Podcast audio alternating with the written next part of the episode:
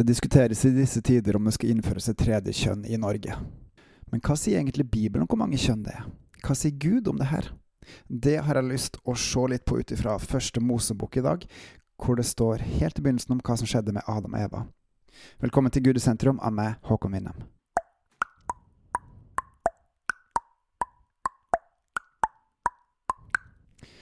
Gud skapte verden. Punktum.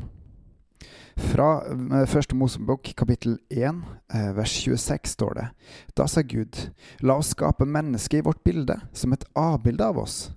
De skal råde over fiskene i havet og fuglene under himmelen, over fe og alle ville dyr og alt krypet som det kryr av på jorda.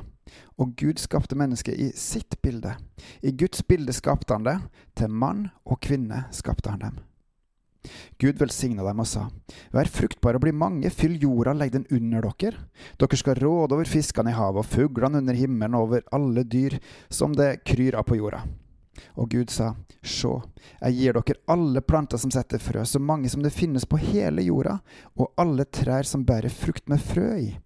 De skal være til føde for dere, og til alle dyr på jorda, alle fuglene under himmelen og alt som kryper på jorda, alt som har livsånd i seg, gir jeg alle grønne planter til føde. Og det ble slik. Gud så på alt det han hadde gjort, og så, det var overmåte godt, sa Gud. Det som Gud skaper, det som Gud ordner, det er godt, det er sannheten. Det er det som er en bedre fortelling. Det er det som er det beste for oss. Ikke at vi alltid skjønner det, eller skjønner hvordan eller hvordan det henger sammen, eller hvorfor, men det er det som er godt. Og sånn Gud skapte, det var godt i Edens hage hvor alle var planteetere, også dyrene. Vi kjenner til historien om hva som skjedde med Adam og Eva etter hvert. Og av deres ulydighet så ga Gud ulike konsekvenser, forbannelser, til både slangen og menneskene. I kapittel 2 fra vers 16 står det, til kvinnen sa han, Stor vil jeg gjøre din møye så ofte du er med barn.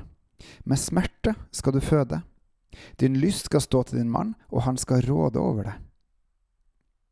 Og til Adam sa han, fordi du hørte på din hustru og åt av treet som jeg forbød deg ete av, skal jorda for din skyld være forbanna. Med møye skal du nære deg av den alle dine levedager. Torn og tistel skal den bære, og du skal ete av markens vekster. Med svett i ansiktet skal du ete ditt brød inntil du vender tilbake til jorda, for av den er du tatt. Av jord er du, og til jord skal du bli. Legg merke til at Gud skapte en perfekt plass for oss mennesker og alle dyr, alle skapninger, alt på hele jorda. Men at vi mennesker, vi valgte å la oss friste, vi valgte å gjøre opprør mot Gud. Og dermed så må vi bære konsekvensene av våre valg. Konsekvensene var at vi ikke fikk lov til å leve med Gud på den samme måten som før, på den perfekte plassen, men måtte heller gå ut på jorda og fikse ting sjøl. Kvinnene skulle ha møye med å bære fram barna, men mannfolkene skulle ha møye med å bære fram frukter, som at man skulle klare å overleve i hverdagen. Legg også merke til at dette er konsekvenser av våre valg. Det var ikke sånn Gud ville ha det, men vi valgte det sånn. Og så kan jeg lure på hvorfor er det slik at valget til Adam og Eva skal ha så stor betydning for alle som kommer etter? Men er ikke det ganske naturlig? Alle de valg som våre eh, foreldre eller forfedre tar, det har alltid konsekvenser for de som kommer etter. Blir det innført en tredje kjønnskategori i Norge, så vil det ha store påvirkninger for hvordan hele samfunnet bygges og drives, undervises, og det vil påvirke alle sine liv. Videre i kapittel tre står det Adam kalte sin hustru Eva, for hun ble mor til alle som lever. Hva er en kvinne? Det er en som bærer fram barn. Herren Gud laga klær av skinn til Adam og hans hustru og kledde dem med. Herren Gud sa, Nå er mennesket blitt som en av oss og kjenner godt og ondt. Bare det nå ikke strekker hånda ut og tar av livstreet også og spiser og lever evig. For da vil jo vi også leve evig med å gjøre vondt, i tillegg til det gode. Så viste Herren Gud dem ut av e- hagen i Eden og satte dem til å dyrke jorda, som de var tatt av. Han jaga menneskene ut, og øst for hagen satte han kjerubene og det flammende sverd som svinga fram og tilbake. De skulle vokte veien til livets tre. Noen påstår at første Mosebok kapittel 1-11 ikke er ekte, at det bare er metaforisk. Gjør du det, så nuller du ut hele Bibelen. Hvis ikke første Mosebok 1-11 er ekte, så er ikke resten heller ekte. Ja, det er mennesker som har skrevet Bibelen til oss, men det er Gud som har villa at de folka skulle skrive det og det til oss. Han har åpenbart fordi hva han vil ha med, hva han vil at skal formidles der.